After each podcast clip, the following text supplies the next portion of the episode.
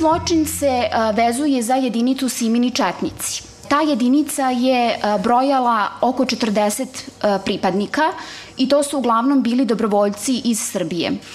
Komandant jedinice je bio Sima Bogdanović, poznatiji kao Sima Četnik, iz Rume.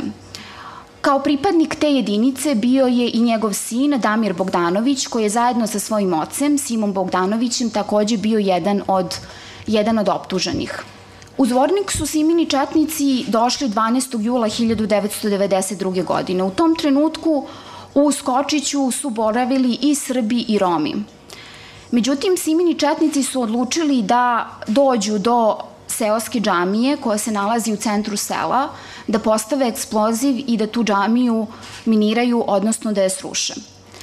Međutim, ni to im nije bilo dovoljno. Nakon toga su ušli u dvorište jedne kuće u kojoj su se nalazili sklonjeni Romi koji su živeli u, Sko u Skočiću, koje su pripadnici Siminih četnika opljačkali, tukli, jednog čoveka su ubili, a tri žene su silovali. Nakon toga 27 pripadnika romske nacionalnosti zajedno sa tri žene koje su se u postupku pojavile kao zaštićene svedokinje pod pseudonimima Alfa, Beta i Gama, su uterali u jedan kamion i odvezli ih u susedno selo Mališići. Tu su iz kamiona izveli tri zaštićene svedoke, a takođe i neki pripadnici jedinice su ostali u Malešiću. Ostali pripadnici Sibinih četnika su kamionom nastavili do mesta Hamzići. Tada je već pao mrak i dovezli su ih do jedne jame koja je već bila iskopana. Tu su te ljude izvodili iz kamiona, streljali ih, neke od njih su ubadali noževima i ubacivali ih u jamu. Nakon toga u jamu su bacili bombu. Oni su se posle tog stravičnog zločina vratili u Malešić gde su nastavili sa svojim stravičnim zločinima. Tri zaštićene svedokinje su držane kao seksualne robinje nad kojima su se više meseci seksualno iživljavali, ponižavali, mučili, terali ih da im peru odeću, da im spremaju hranu. To se sve dešavalo do početka 93. godine. Nakon toga e, ta jedinica je rasformirana i Fond za humanitarno pravo je 2008. godine podneo tužilaštvu za ratne zločine krivičnu prijavu protiv Siminih četnika za zločin koji je počinjen u selu Skočić.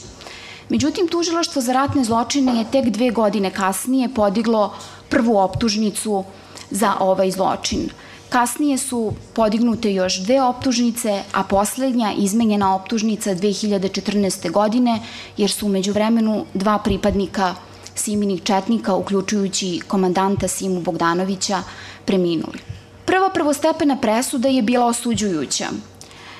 Svi pripadnici Simine četnici, Siminih četnika koji su se nalazili na optužnici su osuđeni a neki od njih i na višegodišnje maksimalne kazne zatvora u trajanju od 20 godina. Međutim, apelacioni sud je tu presudu ukinuo i predmet, predmet vratio ponovo na odlučivanje. 2015. godine doneta je nova prvostepena presuda gde su svi pripadnici Siminih četnika oslobođeni. Dakle, bili su oslobođeni i za rušenje džamije i za ubistvo 27 civila i za nečovečno postupanje prema tri zaštićene svedokinje. Apelacioni sud je u junu ove godine potvrdio presudu prvostepenog suda koji se odnosi na rušenje džamije i na ubistvo 27 civila. Dakle, Za srpski sud ubistvo 27 Roma, među kojima je bilo devetoro dece i jedna trudnica, to je Zina majka koja je u tom trenutku bila u podmakloj trudnoći, nije ratni zločin. Ono što je apelacijni sud utvrdio jeste da su, pripad, da su tri pripadnika Siminih četnika počinili ratni zločin i nečovečno postupanje prema tri zaštićene svedoki, svedokinje i dvojicu je sudilo na kazne zatvora od po 10 godina, a trećeg na kaznu od 6 godina. Ova presuda drastično menja praksu sudova u Srbiji po pitanju tumačenja odredbi o saizvršilaštvu. Ova presuda tužilaštvu za ratne zločine nameće nesrazmeran teret u dokazivanju onih zločina gde više lica, delujući u grupi, počini masovne i stravične zločine. Ukoliko se ova praksa nastavi, nismo sigurni da li će po, postupci koji su sada u toku, a tiču se masovnih zločina kao što je zločin počinjen u Lovasu, u Srebrenici ili u Ćuški, da li će dovesti do osuđujućih presuda? U dosadašnjoj praksi suđenja za ratne zločine U više predmeta je suđeno izvršiocima koji su delovali kao grupa prilikom izvršenja zločina i sud je stajao na stanovište da su oni delovali kao sa izvršioci. Tako je recimo u pravosnažno okončanom predmetu Sjeverin, gde je grupa izvršilaca zaustavila autobus, jedan deo pripadnika grupe ušao u njega, legitimisao putnike, izveo sve putnike koji su bili muslimani, odveo ih do jednog hotela, fizički mučio, a zatim odveo na obalu Drine i streljao, našla da je analizirajući čitav tok događaja, čitava grupa delovala kao sa izvršioci, iako nijednom od njih posebno i pojedinačno nije dokazano da je on pucao jer je sud stao na stanovište da su oni radili na principu podele uloga i da su oni svi delo hteli kao svoje i samim tim radili kao sa izvršioci. U drugom predmetu, u predmetu Lički Osik, gde se iz zatvora izvodi nekoliko civila i odvodi na jednu udaljenu lokaciju ubija i baca u ramu, jamu, sud je takođe stao na stanovište da su svi delovali kao sa izvršioci, iako se jedan od njih branio da on uopšte nije pucao. Sud je i njegovo ponašanje ocenio kao sa izvršilačko, jer je rekao sledeće, čak i pod uslovom da on nije pucao, iz čitavog toka događaja se vidi da je on pokazao da se saglašava sa postupcima drugih i prihvata ih kao svoje. U pak trećem predmetu, čiji primer želim da vam navedem, pošto je vrlo sličan događaju vezanom za Skočić, to je predmet Beli manastir, sud je ocenio da je ponašanje jednog člana grupe koji naoružan pristaje da sa ostalima vodi civile do mesta gde su ubijeni njegovo saizvršilačko ponašanje. Kada je apelacioni sud cenio ponašanje, na primjer, optuženog Zorana Alića, koji je osuđen samo za silovanje, našao je da nema njegovog učešća kao sa izvršioca i uopšte učešća u ubistvu romskih civila na mestu Hamzići. Pa je rekao, njegovo prisustvo na mestu gde su civili ubijeni, iako je on tamo bio prisutan naoružan, ne znači da je on uzeo učešće u delu. Kod njega nije dokazana svest da on radi sa drugim sa izvršiocima, a takođe smatrao je da nije dokazano da je on bio saglasan sa izvršenjem tog dela i da je prihvatio radnje drugih kao svoje. Smatramo da je ovakav zaključak suda veoma, veoma pogrešan. Naime, sam Zoran Alić, iznoseći svoju odbranu, je rekao da je bio u Skočiću, da je čuo vrisku, kukanje za pomaganje, da je zajedno sa svim ostalim pripadnicima jedinice došao u Malešić, međutim i nastavio dalje do mesta Hamzići, da mu je tu jedan od pripadnika jedinice pokojni, nekada optuženi Zoran Stojanović, rekao da je komadanci ima. Rekao da on i još dvojica pripadnika siđu i ostanu tu na putu 10-15 metara dalje od mesta gde su civili ubijani. Zoran Nalić sam u svojoj odbrani navodi tu nije bilo potrebe da se čuva straža, jer su okolo samo Srbi. Samim tim Zoran Alić jasno stavlja do znanja i nedvosmisleno potvrđuje pod broj 1 da je on razumeo da on treba da ostane tu sa drugim pripadnicima jedinice dvojicom naoružan na putu i da treba da čuva stražu. On je to i uradio. Nisu mogli svi u isto vreme da te nesrećne civile skidaju sa kamiona, odvode do jame, tamo su i dve devojke silovane i ubijaju ih i da neko i čuva stražu. Morala je da postoji podela uloga. Simini četnici nisu želeli da se za taj zločin zna. Zašto? Oni su došli u Skočić gde je bilo meštana. Nisu civile Rome ubili tamo, zato što bi se znalo da su to počinili oni. Naprotiv, jednog civila koji je tamo ubijen nisu ostavili u Skočiću. Natovarili su ga na kamion i odvezli iz Skočića da ne ostave trag iza sebe. Oni dolaze u Malešići. Šta rade sa civilima? Ne ubijaju ih ni tamo. Zato što i tamo postoje meštani, što bi bilo nesporno dokazano da su upravo oni to uradili. Skidaju sa kamiona samo tri devojke koje žele da iskoriste kao seksualno roblje i odvozi civile u gluvo doba noći na jednu pustu lokaciju. Naravno da će postaviti stražu, jer ne žele da neko naiđe.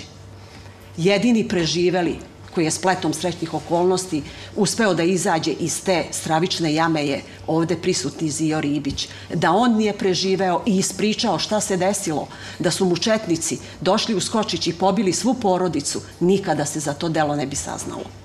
Zato je jasno da je postojala potreba čuvanja straže i da je optuženi Alić postupao kao sa izvršilac. Zločin u Skočiću nije prvi zločin koji je jedinica Simini Četnici počinila. U jedinici su već pre događaje u Skočiću postojale tri devojke muslimanke koje su dovedene na isti način kao što su dovedene posle u jedinicu iz Skočića tri zaštićene svedokinje alfa, beta i gama. Jedna od njih je u ovom postupku i svedočila kakav je njihov tretman bio u toj jedinici. Što znači da je Skočić bio matrica. Da su svi pripadnici jedinice delovali kao jedna kompaktna grupa na bazi podele uloga. Međutim, to je apelacioni sud zanemario i upravo otvorio vrata nekažnjivosti za masovne zločine koje vrše jedinice sa većim brojem pripadnika. Sa druge strane, postoji i velika zamerka apelacionom sudu po pitanju ocene otežavajućih i olakšavajućih okolnosti. Stav Fonda za humanitarno pravo je da se porodične prilike izvršilaca ovako teških krivičnih dela kao što su ratni zločini nikada ne smeju smatrati olakšavajućim okolnostima. Sud je u odnosu na osuđenog Đurđević Zorana koji je osuđen za silovanje zaštićenih svedoka, za e, njihovo seksualno zlostavljanje i za nanošenje telesnih povreda jednoj od zaštićenih svedoka, kao otežavajuću okolnost imao i činjenicu da je ranije osuđivan što je sasvim u redu ispravno. Sud je naveo da je on osuđivan za krađu, tešku krađu i razbojništvo, što ukazuje na njegovu sklonost ka izvršenju krivičnih dela. Međutim, ono što je frapantno je činjenica da je sud propustio da mu kao otežavajuću okolnost se ceni činjenicu da je Đurđević Zoran prethodno pravosnažno osuđen za ratni zločin protiv civilnog stanovništva. Znači za potpuno identično krivično delo koje je izvršeno na identičan način silovanjem koje je počinio otprilike mesec dana pre zločina u Skočiću, počinio ga je u Bijeljini. I upravo je isti predsednik veća postupao odlučujući u predmetu Skočić u apelacionom sudu koji je odlučivao i u predmetu Bijeljina gde je Đurđevi Zoran osuđen. Đurđevi Zoran je za zločin u Bijeljini, za silovanje i seksualno ponižavanje osuđen na kaznu zatvora u trajanju od 13 godina. Ovde je za istovrsno delo dobio 10. U Bijeljini je silovanje bilo događaj od jednog dana – Ovde je silovanje koje traje. Radi se o deci. Gama ima 15, beta ima samo 13 godina. I kada se u sve to ima u vidu činjenica da je već za istovrsno krivično delo osuđen, onda se njemu izrečena kazna od 10 godina čini kao neopravdano blaga. Ona je morala biti znatno oštrija. Zio je u vreme kada e, je počinjen zločin u Hamzićima imao 8 godina. U tom zločinu je ubijen njegov otac, njegova majka koja je u tom trenutku bila u drugom stanju, njegovih šest sestara i njegov brat. On je sticajem nekih čudnih okolnosti uspeo da preživi. I kako se ti sada osjećaš i kakav će tvoj život biti u budućnosti znajući da oni koji su odgovorni za ubistvo tvojih najmilijih da su oslobođeni krivične odgovornosti. Tako se meni čini da oni smatraju da Romi nisu ljudi, da, da mi uopšte ne postojimo. Ja samo bi se želio zafaliti još uh, Fond za humanitarnom pravu, koji je čitao vrijeme od početka do kraja, evo, ostao uz mene i, i ja mogu reći da je to najveća podrška koji sam imao. Jel ovaj, za ovu odluku nemam komentara,